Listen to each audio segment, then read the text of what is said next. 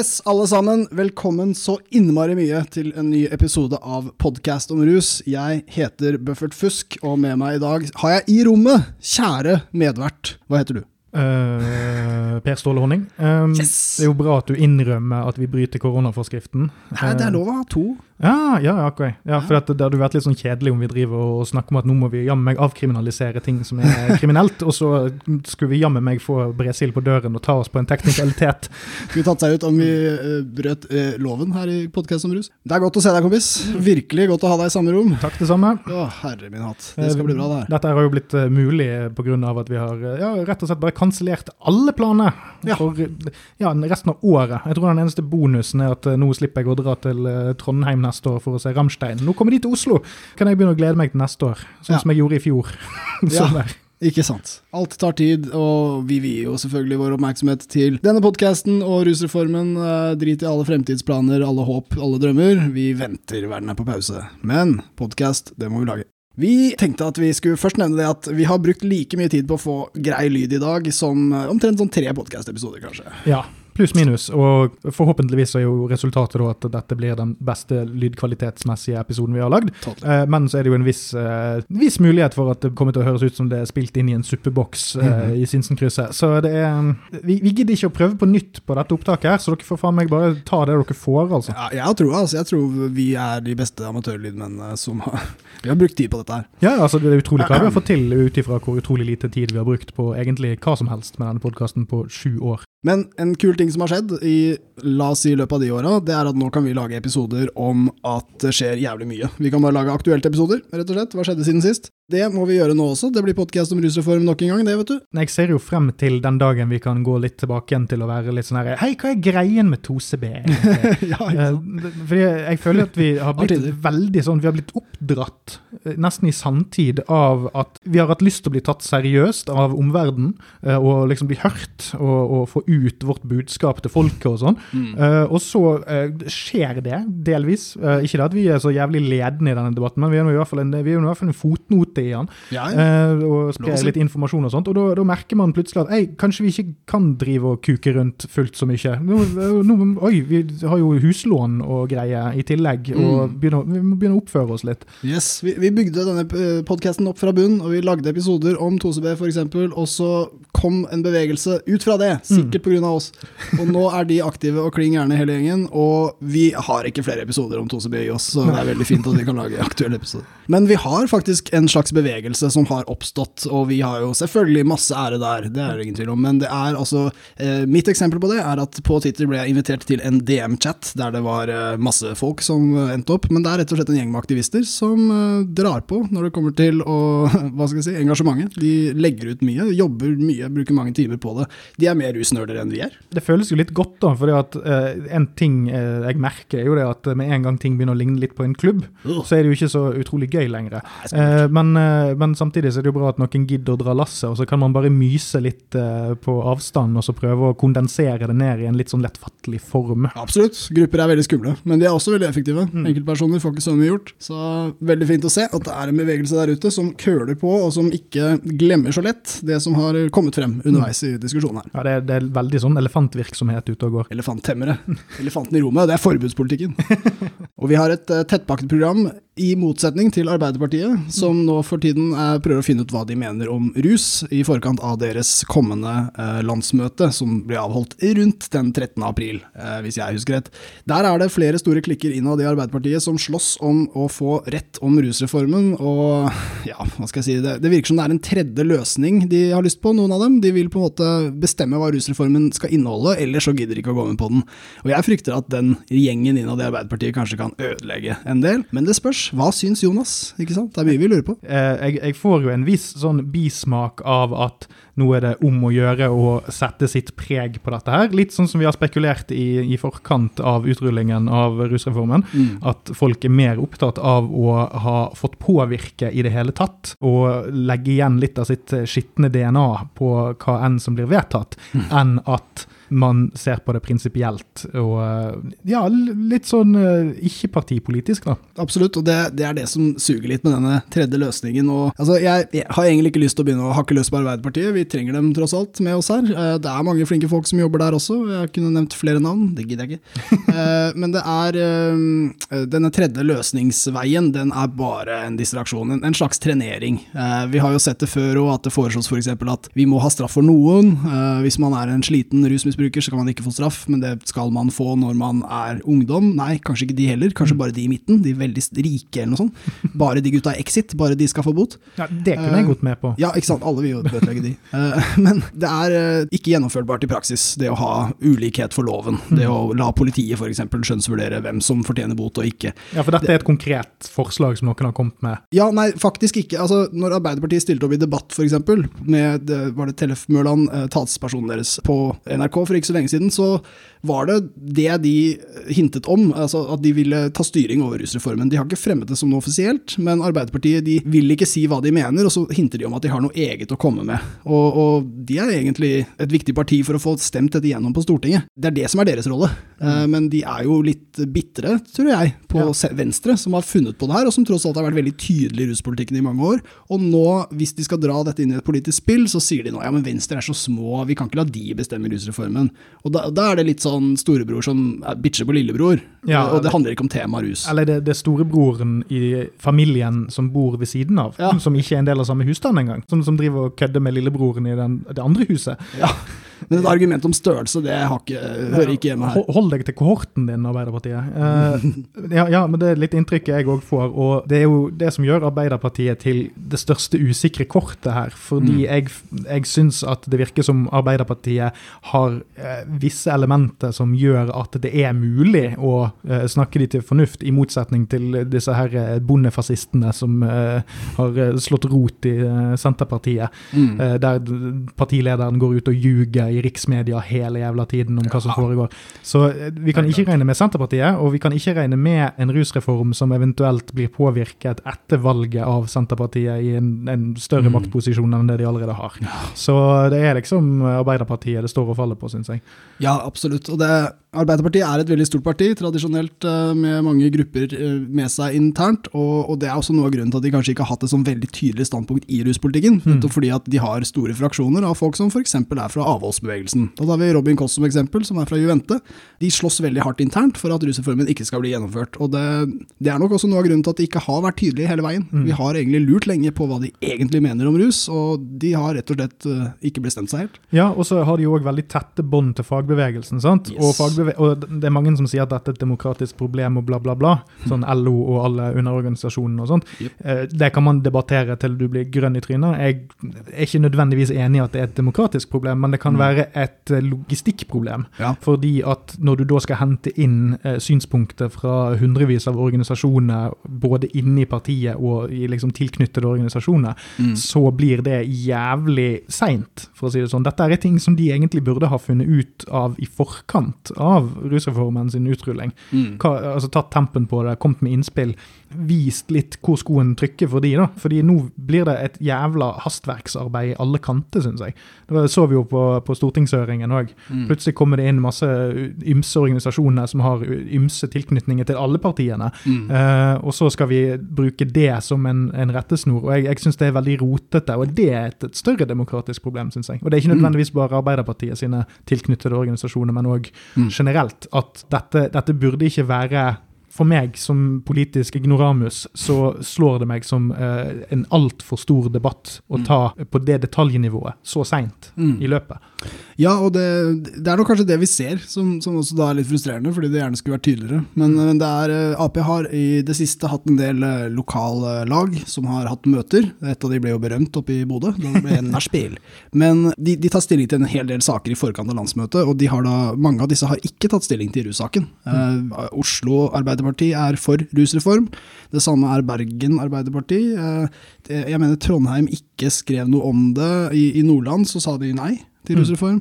Mm. Men, men veldig mange møter er holdt, og det er få av dem som tar stilling til rusreformen. Selv om det kommer til å bli et av de store temaene på landsmøtet. Og jeg tror det har å gjøre med at det er veldig, veldig vanskelig, og at man venter og ser. Så ingen vet egentlig hva som vil skje på dette møtet. Jeg, jeg begynner å bli litt nervøs, jeg. Og det er jo folk som er flinke til å lobbe oppi dette her og, og sånt, og all ære til de. Vi, vi kan jo gå litt mer inn på de konkrete eh, fallgruvene her, da. Eller fallgrubene, eller hva enn norsklæreren min ville kalt det. Det er jo f.eks.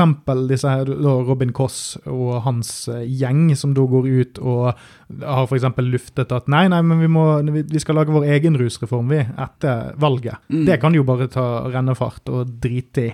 Det kommer til å ta sin tid, det. Det blir som å finne ut at du er nødt til å kjøpe ny bil fordi at den gamle er rusten og hjula har ramlet av.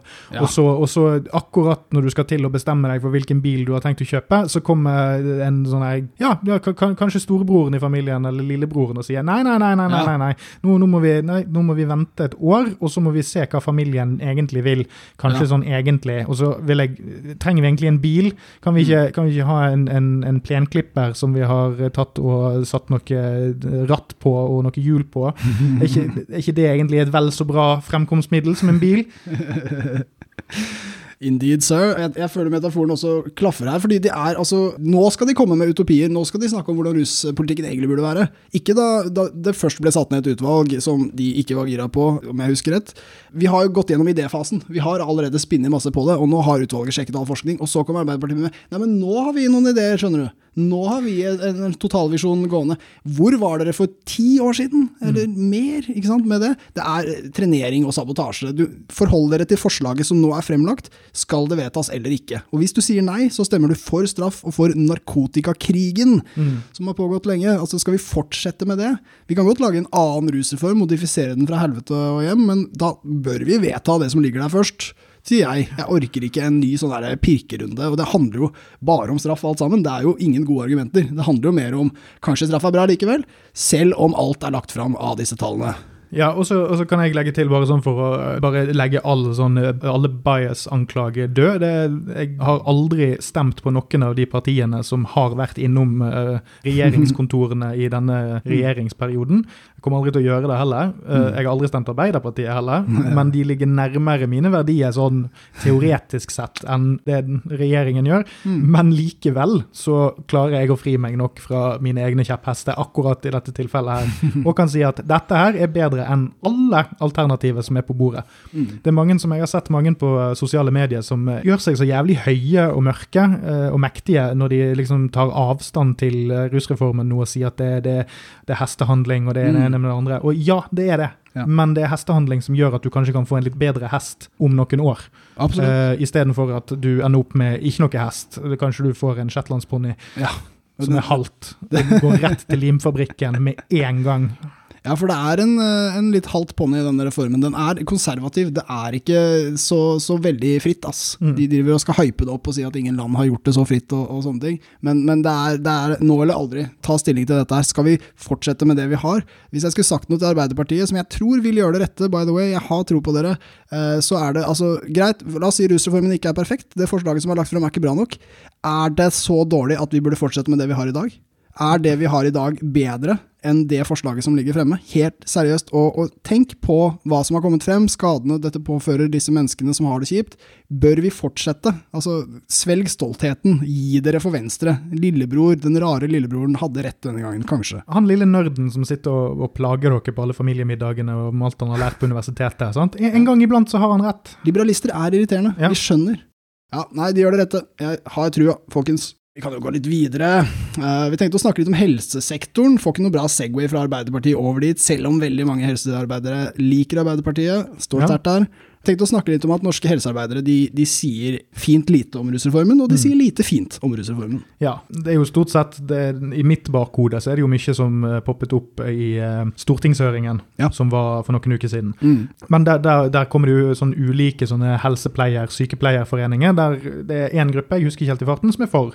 Jeg lurer på om det er en eller annen sykepleierforening. Sykepleierforbundet er for, Ja. i hvert fall. Og så har du Helsesykepleierforeningen, de er imot. Ja. Eller et, det er en eller annen sånn, det sånn rar- HEAL de het? Ja, det, Ja. det er i hvert fall en interesseorganisasjon, mener jeg, for eh, sykepleiere. Ja, en, ja sånn, sånn uh, sykepleierne sin NNPF eller noe sånt.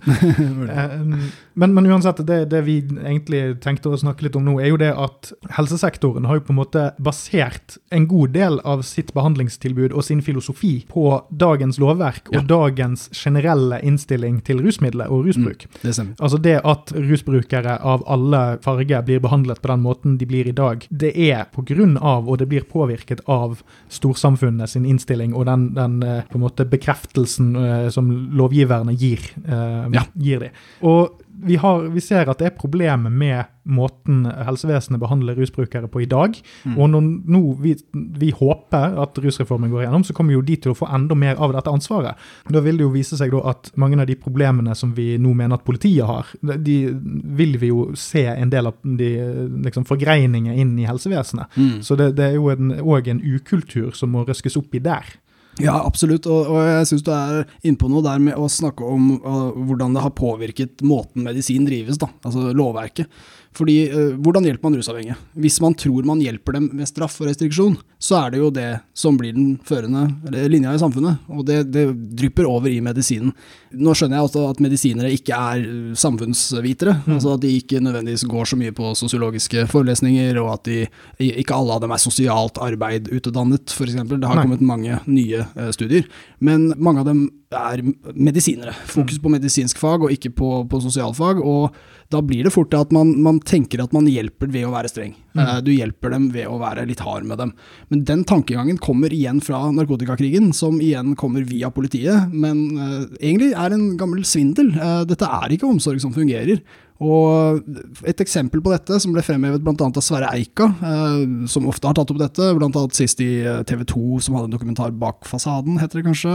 Det programmet Der der tok han også opp at rusavhengige de er nektet medisiner som resten av befolkningen har tilgang til. Og Det er jo interessant, for det står ikke noe sted at uh, hvis du er junkie, så får du ikke ditt og datt. Det, det bare skjer. Ja, Er det, er det benzodiazepine og den typen ting? Er det smertestillende eller Det stemmer. Det er, ja, det er primært angstdempende og opiater, uh, som da er eh, morfinpreparater og sånt noe. Som eh, egentlig ser det ut til at hovedføringen handler om at hvis du har tatt disse stoffene sjøl og driver og lekt med de og, og vært uforsvarlig kanskje, så fortjener du ikke å få dem i din fremtidige medisinske behandling. De stoler ikke på at det du forteller, er ja, sant? det, det er det. Ja. det. Det tror jeg er, det er en tillitsting. Og jeg tror også veldig mange rusavhengige er veldig flinke til å manipulere helsevesenet for å få tak i det de vil. Og, og det har nok kanskje satt en liten støkk i en del helsearbeidere, som da tenker at kanskje det gjelder flere enn det gjør. Det er ikke alle rusbrukere som er sånn, men alle blir behandlet med mistenksomhet. Nei, og Der kommer jo filosofien inn i det. da. Fordi jeg ville jo tenkt det at hvis det kommer inn en narkoman, og som nå, nå er jeg en helsearbeider som møter en narkoman, det er sånn jeg ser på han eller hun, Ja. Så er den personen syk fordi at den trenger heroin eller morfin eller et eller annet for å dempe Det er hovedsakelig det å dempe abstinenser. sant? Mm, ja. Eh, og så kanskje angstdempen i tillegg, og ka- kanskje det fins ymse ting vedkommende har begynt på. Mm. Spørsmålet da er, eh, skal jeg da hjelpe denne personen til å få mer kontroll over bruken sin? Mm. Og hvilke verktøy kan jeg da bruke? Hvis jeg eh, da kutter vedkommende av alle offisielle preparatmuligheter, og så sier nei, du er for syk til å bli behandlet, så er jo ikke det en helsefremmende tilnærming til et helseproblem. Nei. Det er jo et destruktivt verktøy. Absolutt. Absolutt, og den eneste måten du kan tenke for at altså Hvis du har en heroinist, som i ditt eksempel, så vil jo vedkommende være syk fordi han ikke har fått heroin. Mm. Det er derfor han er syk. Så, så kuren er jo heroin. Men Du kan ikke bare fortsette å gi det til vedkommende. Men, men ideen om at det å ta heroinen vekk er det som da hjelper, det Mm. måtte jo vært en idé basert på at heroin er i seg selv galt. Mm. Uh, og det kan jo hende at det er, men det er fortsatt veldig likt den morfinen de gir ut på sykehus, som de syns er grei. Så, så, så da er det galt fordi det kommer fra gata, fordi det er svart marked, eller Mm. noe sånt. Jeg, jeg, jeg syns det burde være lettere å, å se fellestrekkene, da. Ja, for det er noe med egoismen oppi dette her. For det, det er litt det samme som det å være mistro eh, folk som går på trygd og sånt. At man Mm. alltid, alltid tror at her er det noen som har lyst til å sko seg på fellesskapet, Ja. istedenfor at det er noen som trenger hjelp av fellesskapet. Mm. Og det er en eh, Det er ikke så clear cut som folk vil ha det til. Altså, eh, jeg tror at det fins Selvfølgelig, som du nevner, folk som prøver å, få ta, også, å, å skime systemet for å få tak i rusmidler. Mm. Men hvorfor gjør de det? Ja. Det er jo fordi at det er et bedre alternativ enn mange andre ting de kan finne på å gjøre. Mm. Så Og når vi da egentlig rusreformen handler om å få ting fra, vekk fra justis og over på helse, Ja. så er, vil jo da det å være mer barmhjertig med Mm. utskrivningen av disse preparatene være en veldig åpenbar løsning. Er det ikke bedre at en knarker er avhengig av statlig godkjente opiate og eh, beroligende, enn at han raver rundt og bryter seg inn og stjeler sykler for å finansiere det? Altså, Hva er problemet her, egentlig? Vi har, altså, Problemet er her. Ja. Så spørsmålet er, skal du slå problemet med en pinne, eller skal du kanskje bruke pinnen til å dytte bort litt en pilleeske? Ikke sant? Ja. Nei, jeg, tror, jeg tror det er eh, der vi nå befinner oss. Eh, om rusreformen blir innført eller ikke, så må vi få justissektoren ut av helsesektoren. Altså Den har preget det altfor mye. Forhåpentligvis får vi en total forflytning av Mm. ansvarsområdet. Men uh, det jeg har lyst til å si, er at jeg tror ikke Altså, vi må for all del ikke få fram et bilde her om at eh, helsearbeidere ikke bryr seg om rusavhengige. De har bare vært uh, litt sånn nøytrale på det. Mm. Litt blanke, og det er for så vidt uh, ment på mest positive måte. Jeg tror ikke de tok nødvendigvis så veldig mye stilling til hva rus er, og så fulgte de en føring i samfunnet som kom fra justissektoren, om at den beste måten å hjelpe disse menneskene er å være hard med dem.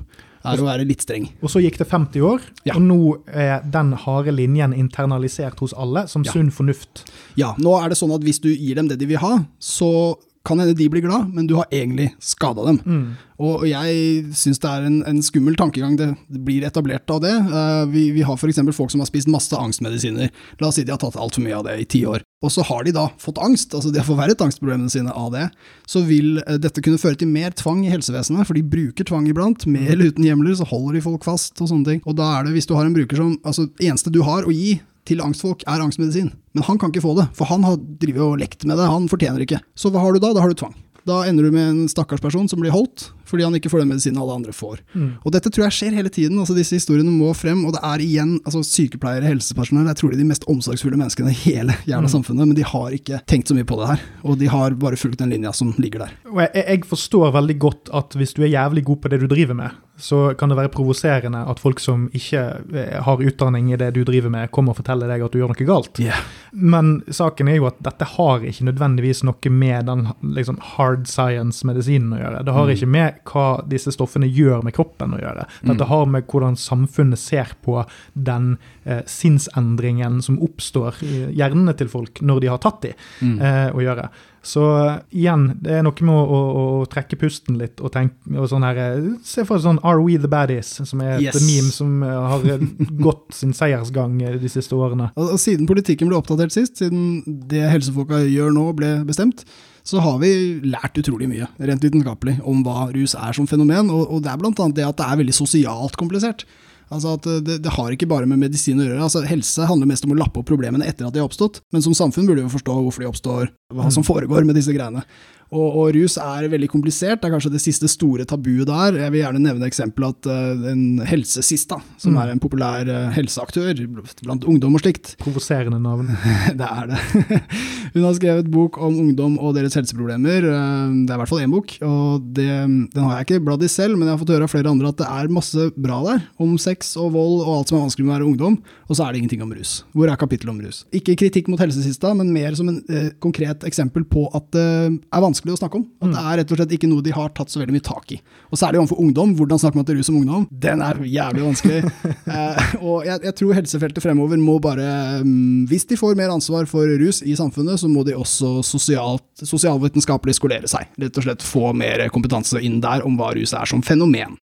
Den siste vi tar på helsesektoren i vårt innslag om det, det er det som heter LAR-saken. For nå har det blitt eh, etablert. Um, Det har vært med på Dagsrevyen, og det har blitt en sak som nå visstnok vil bli gjennomført. Det er et søksmål eh, mot staten fra en jurist som representerer flere brukere, som alle har eh, vært i LAR-programmet, som betyr at de da får utdelt metadon, som de må møte opp og ta, og det er krav knyttet til denne medisinutleveringen.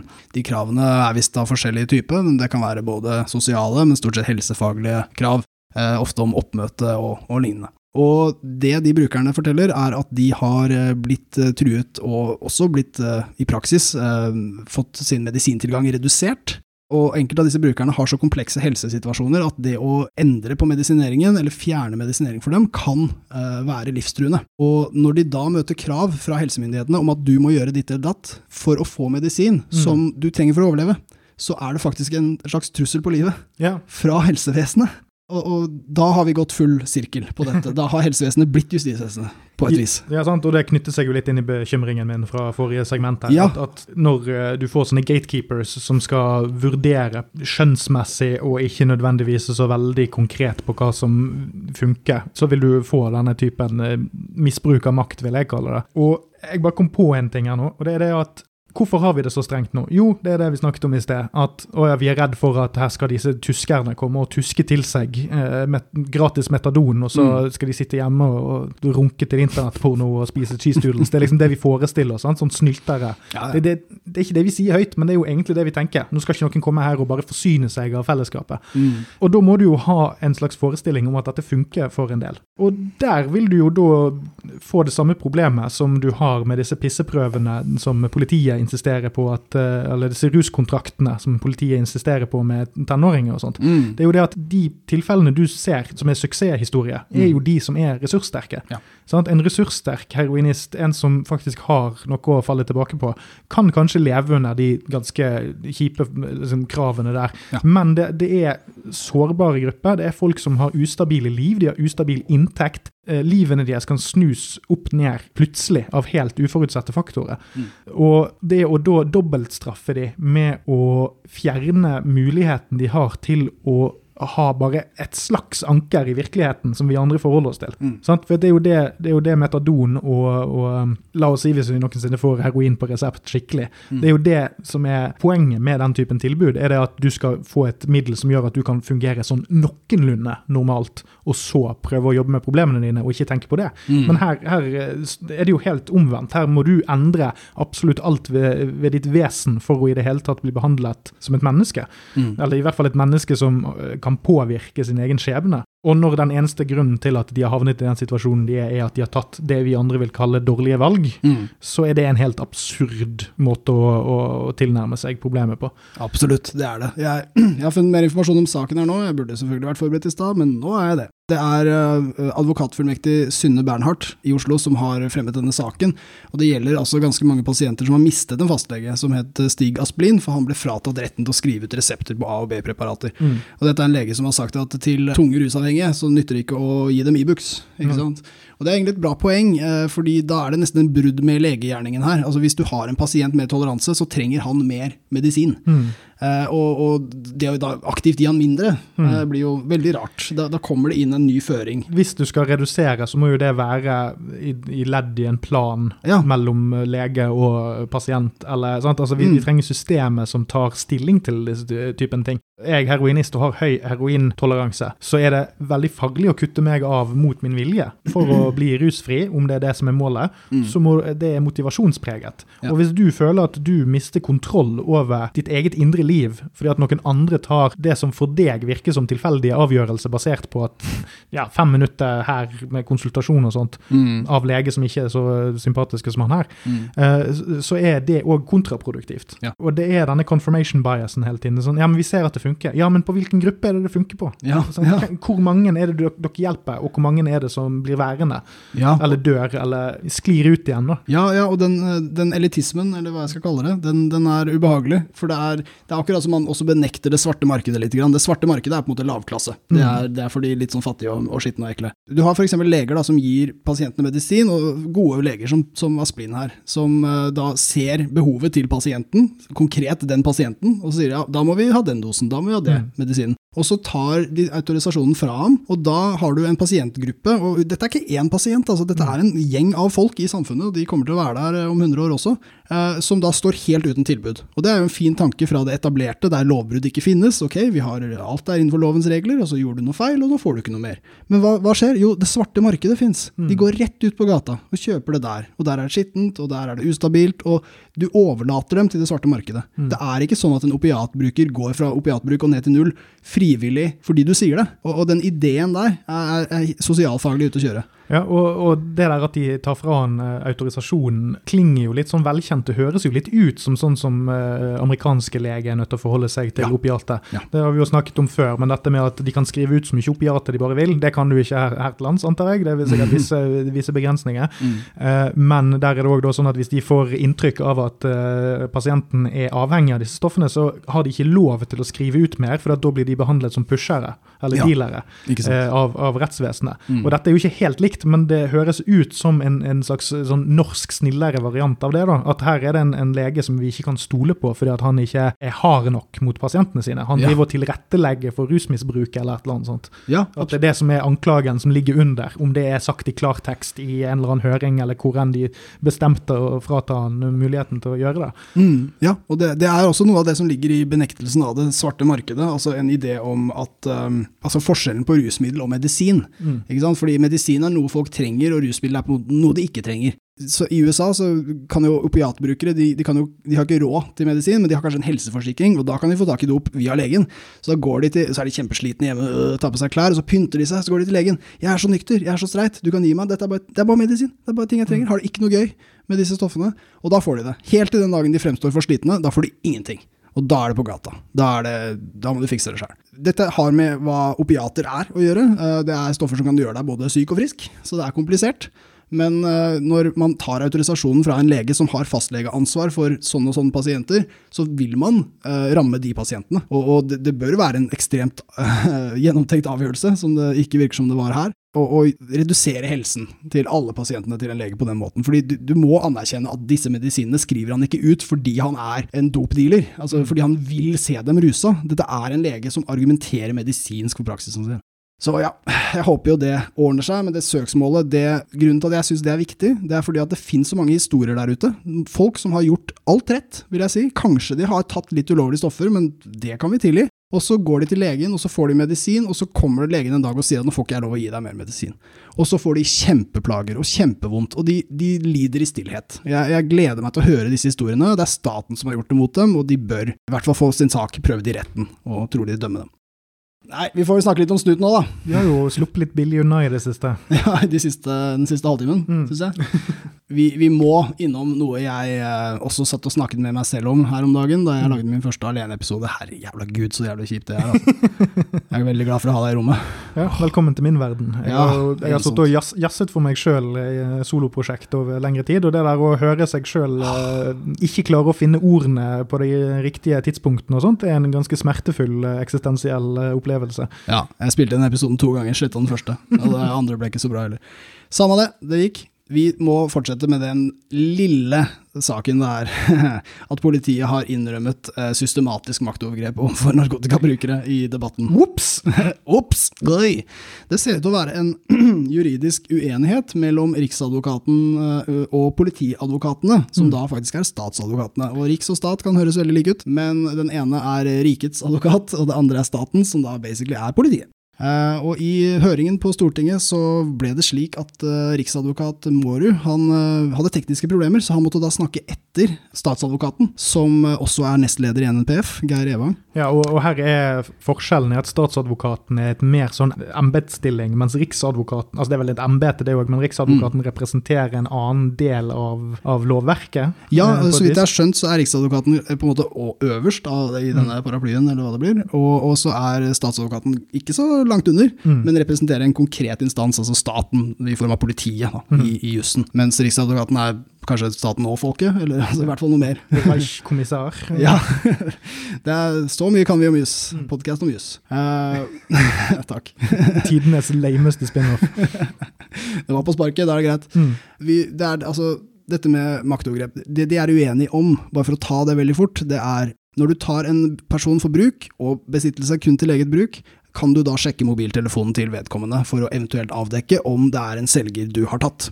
Det er ikke et forholdsmessig inngrep hvis det kun er bruk som er mistenkt. Eh, bruk har ikke så lang strafferamme, men hvis det du er mistenkt for har en strafferamme på seks måneder eller mer, så kan politiet bruke flere kontrolltiltak. Men det politiet i dag eh, sier, eh, som de da har sagt i flere debattinnlegg, og som også ble sagt av statsadvokaten, det er at man sjekker mobiltelefonen for å avdekke salg før mistanken er der. Det skjer på en måte litt i ett sekund, alt sammen. Eh, og det som var interessant på høringen, var jo at siden Riksadvokaten da kom etter eh, statsadvokaten, så kunne han si at det er ikke korrekt praksis. Så det er faktisk ulovlig å sjekke eh, mobiltelefoner hvis det kun er bruk som er inne i bildet. Og hvis det er mistanke om salg, så må den også konkretiseres. Altså si Mm. vi mistenkte salg fordi ditt og datt.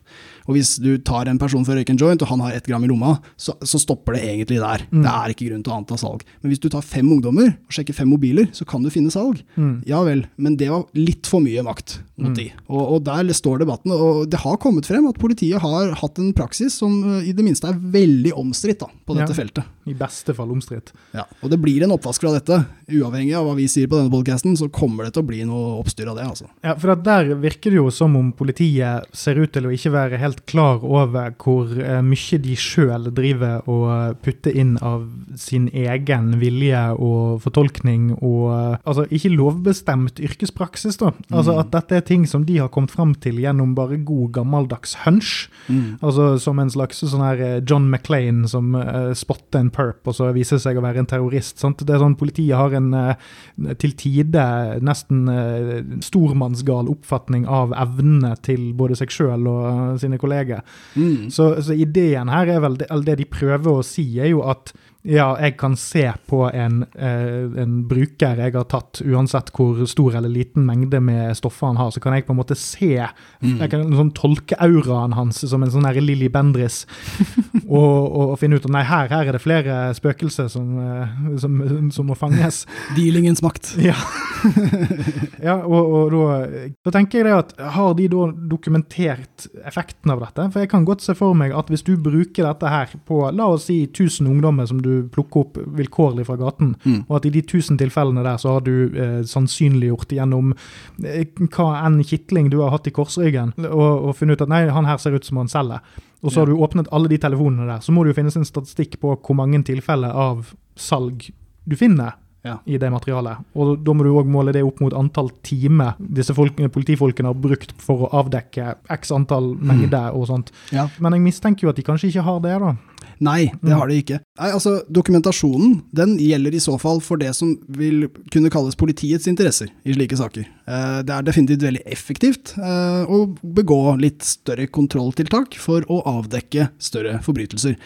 Så når det kommer til det jeg kaller politiets interesser, som handler om å finne kriminelle, ta ut eh, tiltale og få dem dømt i retten, så, så er det effektivt å gjøre det på den måten. Men det er jo dette med at eh, politiets interesser er ikke de tiltaltes interesser. Og det er eh, flere ganger kommet frem at f.eks. urinkontrakter, som jeg kaller dem, ungdomskontrakter, sier politiet, de er ikke effektive. Det kom fram bl.a. i Jan Erik Bresils egen masteroppgave. Det er kanskje den mest siterte masteroppgaven som har blitt eh, levert på Politihøgskolen. Da, det er da du har lykkes, når mange siterer den. Eh, men det er eh, politiets interesser er og blir noe annet. Og eh, vi, vi kan vel kanskje ikke regne med at de alltid vil det samme. Det, er denne evige ideen de selger om at omsorg er lik straff og trusler om straff. Ja, og så er det det at uh, det føles litt som om at politiet, eller liksom samfunnet, har opp, liksom opprettet en sånn gråsone der vi har overlatt til politiet å avgjøre eh, eller de, altså de, de sin egen sånn vage oppfattelse av hva som er lov og rett, basert på en eller annen sånn spider-sense de har. Ja, Eh, ja, Som om de var jurister, eller noe. Ja, altså, som vi så, sant? Altså, dette har jo blitt avdekket fordi at representanter for NNPF og sånt har gått ut og sagt at ja, men vi mister disse hjemlene Ja, er dersom, eksempler, ja. dersom eh, rusreformen går igjennom. Da snakker de jo om de tingene som om de er selvsagt, og så kommer det en hel kobbel med jurister og sier hva i helvete er det dere holder på med? Og det viser jo da at de har jo ikke blitt utfordret på dette her noensinne. Og da sitter jo jeg og lurer på hvor mange andre ting er det de driver og holder på med som om at det er en selvfølge? Hvor mange andre sånne her, eh, altså gråsone, altså når du gir folk enorme makt over andre sitt fysiske vesen, du kan anholde dem, du kan ta ut tiltale mot dem, du kan presse dem på alle mulige måter. Hvor mange andre deler av russaken er det politiet har drevet og, og hunset folk med Mm. på direkte ulovlige måter. Mm. Ja, Fins det flere eksempler? Dette er jo et, eh, et særdeles godt et, men det kan absolutt være noe andre lignende. Jeg vil ta et annet som, som ligner, det er jo selvfølgelig innenfor rus det òg, men når politiet har hatt tilfeldige kontroller med narkotikahund på offentlig sted, så er det jurister som har påpekt at det kan de egentlig ikke gjøre. Du kan ikke sjekke alle. Ja, men det blir ransakelse før, eh, før mistanke. Ja, nettopp. Du må ha bare en liten mistanke først, og den må du kunne konkretisere, og så sjekker du med hunden. Det politiet har sagt, er at vi sjekker alle med hund Derav får vi mistanken når hun markerer. Da har sjekken allerede skjedd, men de sier at nei, det er mistankesbyggingen. Det er ikke selve kontrollen. Men det å bli snust på en narkohund er å bli kontrollert. Ja, og du kan aldri få en narkobikkje inn i en rettssal og få den til å vitne på hva slags avgjørelse den tok i forkant av den markeringen. Sant? Så det er jo, Vi har jo nevnt dette før, men det er jo det at politiet har jo da igjen da sagt at nei, nei, eh, narkobikkjene våre de er jo politibetjente, de. Ja, ikke sant. Ja. Og jeg bare gjør som bikkjen sier. Og det er jo eh, aldri en god setning å si høyt.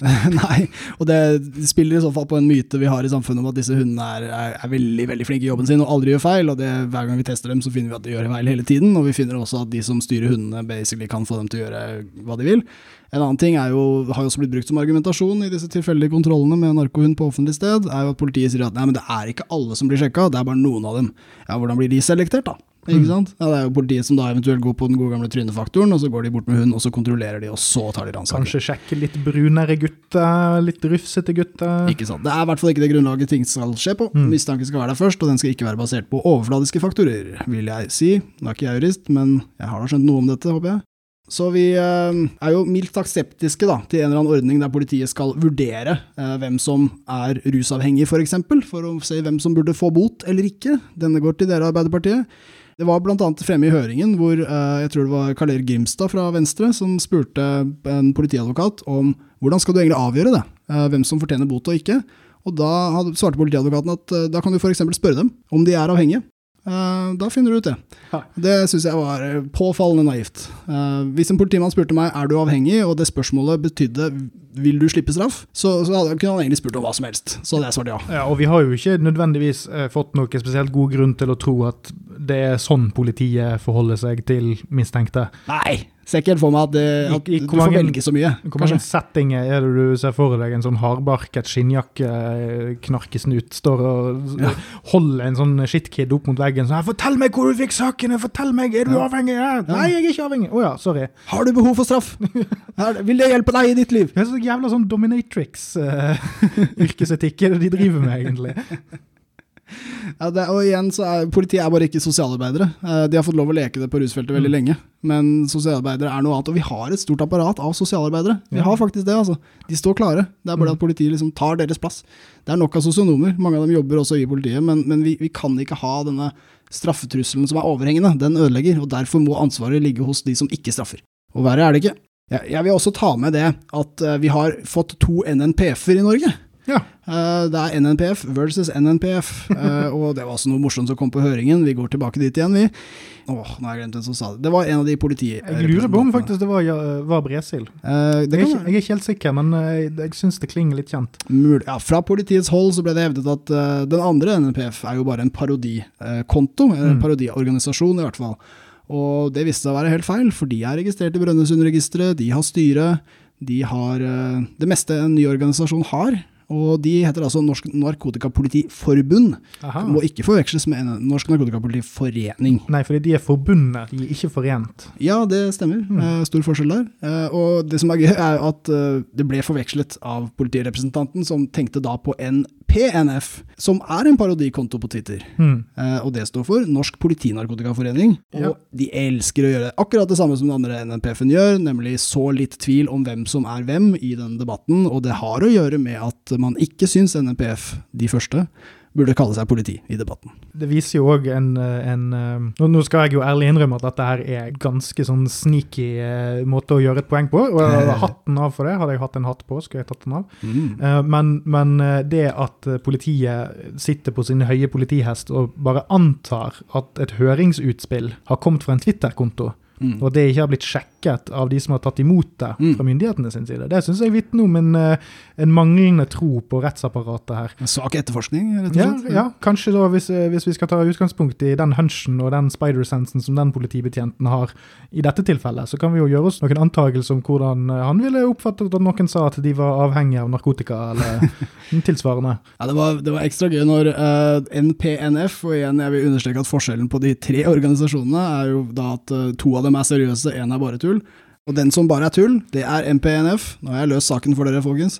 De har vært en parodikonto ganske lenge, og det som er gøy med dem, hvis det er noe, så er det jo det at eh, narkotika og politi har byttet plass, som det er politi-narkotikaforening. Og de skrev da, etter at høringen kom offentlig, og at vi fikk med oss denne beefen mellom NNPF-ene, så skrev NPNF på Twitter Norsk politinarkotikaforening ser svært alvorlig på at norske myndigheter ikke rydder opp i hvilke organisasjoner som får lov å kalle seg politinarkotikaforeninger. Nå blir selv vårt lovgivende organ forvirret av dette, og det er et demokratisk problem. Hvor er Politidirektoratet? ja, for Det de spiller på her, er jo at NNPF egentlig ikke har noe juridisk hjemmel for å kunne kalle seg politi. Det stemmer. Det er faktisk flere Det er mange som jobber det, eller som er medlemmer som ikke er politi heller. Mm. Som jobber f.eks. i toll eller militæret. Det er jo enkelte andre òg som har avdekket at uh, ofte så er kontaktinformasjonen til NNPF uh, eh, offisielle politikontortelefoner. Mm. Uh, og det er jo òg en ekstrem blanding. sant? Altså det, mm. det, er jo dette her vi egentlig vil til livs. at du må jo gjerne engasjere deg politisk, men du burde ikke kunne smykke deg med yrket ditt mm. eh, når du eh, uttaler deg om ting som egentlig ikke har spesielt mye med selve yrkesutøvelsen din å gjøre. Ja, absolutt. Og det, er, det, det å være politi er såpass unikt ikke sant? at det skal være den største, store rollen. Mm. NNPF-medlemskapet eh, kommer liksom inn og, og gjør det mer uklart. Og én ting er jo selvfølgelig det å på en måte utgi seg for å være politi, som alltid er et stort samfunnsproblem. Men det andre jeg vil si, som er mer sånn for oss i debatten, så er det, det er litt sånn juks. Å ha to hatter og så veksle mellom de. Mm. Eh, på rusdebatten på NRK så, så, var jo en eh, representant fra om det var Finnmark eh, kom på, og hun var jo da representant for politiet. Eh, og vi kjente jo igjen retorikken med en gang, viser seg selvfølgelig er hun også medlem av NPF, Men akkurat denne dagen så var hun representant for politiet. En annen gang så er hun NMPF-er, og da stiller hun også opp i politiuniform. Da, da, er det ikke så lett for oss å vite at NMPF ikke er politi, ass. Nei, altså du må jo gjerne ha flere hatter. Men de hattene bør være forskjellige. Når den ene er en politihatt. Ja, så bør den andre være en, en, en sånn felles kjøpecaps. ja, En som ikke kan forveksles. Eller, de må jo gjerne stille til debatt i uniform, så må det stå på brystkassen deres 'ikke politi'. Mm, I morgen er jeg det. Ja. Fra, fra åtte til fire så er jeg politi. Nei, ikke sant. Og hvis det, er, eh, hvis det er et eget gen som gjør deg til politi, så må du kunne legge det litt til side når du representerer foreningen, interesseforeningen, som er privat, og som absolutt ikke støttes av det offentlige, med mindre Bortsett fra selvfølgelig masse stønadsmidler. For det får de bl.a. fra Helsedirektoratet, for å fremme helse. Ja, nok om det. Ja, nei, det er eh, nok å ta tak i, folkens. Gøy å kunne rante litt. Jeg tenker vi skal avslutte med det òg, jeg. Jeg syns at det er en skummel tid, fordi vi vet ikke hva Arbeiderpartiet syns. Eh, politiet, og da, da mener jeg NPF, ops, jeg forveksla dem, eh, jobber veldig hardt for å strupe reformen, for å trenere den med umulige forslag som f.eks. at uh, det ikke skal være likhet for loven etter lovendringen. Det jeg vil si der, det er at uh, hvis rusreformen faller, uh, så fortsetter narkotikakrigen i Norge. Og den narkotikakrigen den har jeg snakka om før, men det begynner å bli en stund siden, så det er på tide å ta opp det begrepet igjen. Narkotikakrigen er en svindel som ble innført på 60-tallet av amerikanske kynikere som lurte ledere over hele verden til å delta i en kampanje for å arrestere og fengsle alle brukere av alle rusmidler som ikke er tobakk og alkohol. Denne kampanjen uh, trodde at det var både hjelpsomt for brukerne, kanskje de ikke trodde på det i starten, men etter hvert så trodde de det, og at man ville faktisk kunne bli kvitt narkotika. Altså Målet var at vi rett og slett skulle uh, lage en verden der disse stoffene ikke finnes lenger. Nå er narkotika tilgjengelig i alle norske byer, krigen er tapt som bare det. Dere som er imot rusreformen tenker kanskje å nei, det blir mer tilgang. Nei, for den tilgangen er der allerede, og det er ingen som kommer til å bli en stor selger fordi rusreformen gir dem mulighet til det. Så vi må slutte å ha en idiotisk narkotikakrig. Og, og hvis denne rusreformen, som ikke er perfekt, er måten å få det til, så er det ingenting viktigere. Skal du seriøst stemme ned en ikke-perfekt reform fordi narkotikakrigen er bedre? Nei, jeg, jeg, kan ikke skjønne at vi fortsatt legger, legger frem alle data. Vi, vi, viser at vitenskapen er entydig. Alle vet at krigen mot narkotika nå i det minste var under falsk flagg. Og så er det fortsatt en debatt. Nei, det er bare å slåss imot. Ja, og så tror jeg at eh, noe av grunnen til denne vrangviljen, denne motviljen til å ta til seg eh, ny informasjon, det er todelt. Det ene er at man mistenker motparten litt. Ja. Man, man, mistenker at eh, her spiller de ikke med åpne kort, mm. selv om kortene er vidåpne. uh, og altså, dette er Texas Hold'em uten at noen holder noen kort. det er ikke, det er ikke, jeg kan ikke gambling, men uh, ja, ja.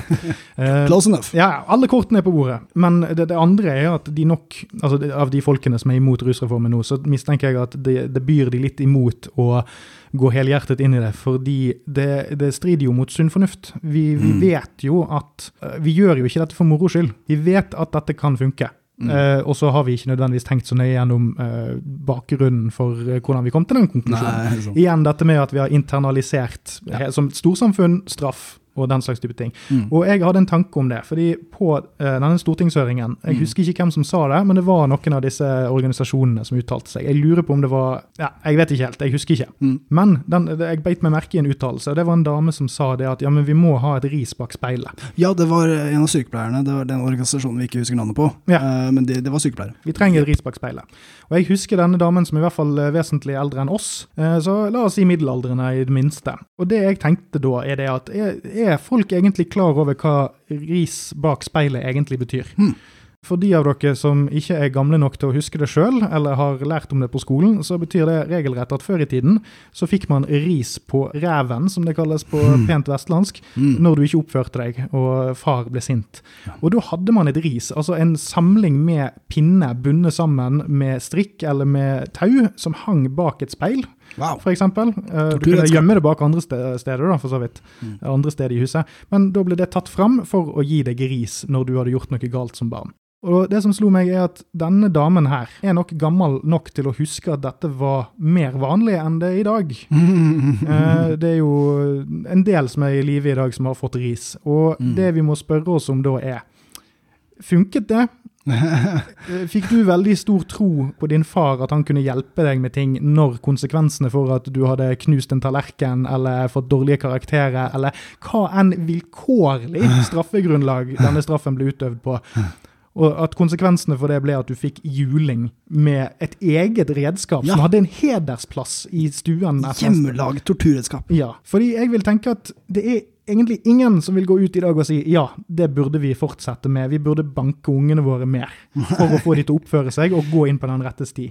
For det er faktisk det, når vi snakker om straff som et virkemiddel i bekjempelsen av narkotikamisbruk, Mm. så er det det vi sier. Vi sier at vi trenger vold for å tvinge folk til å gjøre sånn som vi vil, Ja. og vi har ikke nødvendigvis tenkt igjennom grunnen til at vi vil ha det på den måten. Mm. Det eneste vi har å argumentere med, er at det er sedvane, det er Ja, det vi alltid har gjort, det er sånn ting er. Og hvis vi gjør ting på en annen måte enn det, så, så da faller samfunnet. Ja. Da, da ryker all ungdommen ut på skråplanet, og det er narkomane ut av vegger og speil, og hvor enn de kan gjemme seg, så finner vi narkomane.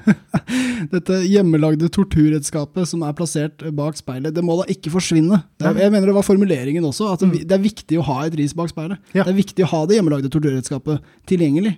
Det er en ganske vill formulering når det blir forklart som du gjør. Ja, så det er jo noe å tenke over. Så utfordr gjerne mennesker som sier sånn som vi banket opp ungene våre før i tiden, Ja. det er en god måte å gå inn i fremtiden på. Ja. Ris bak speilet.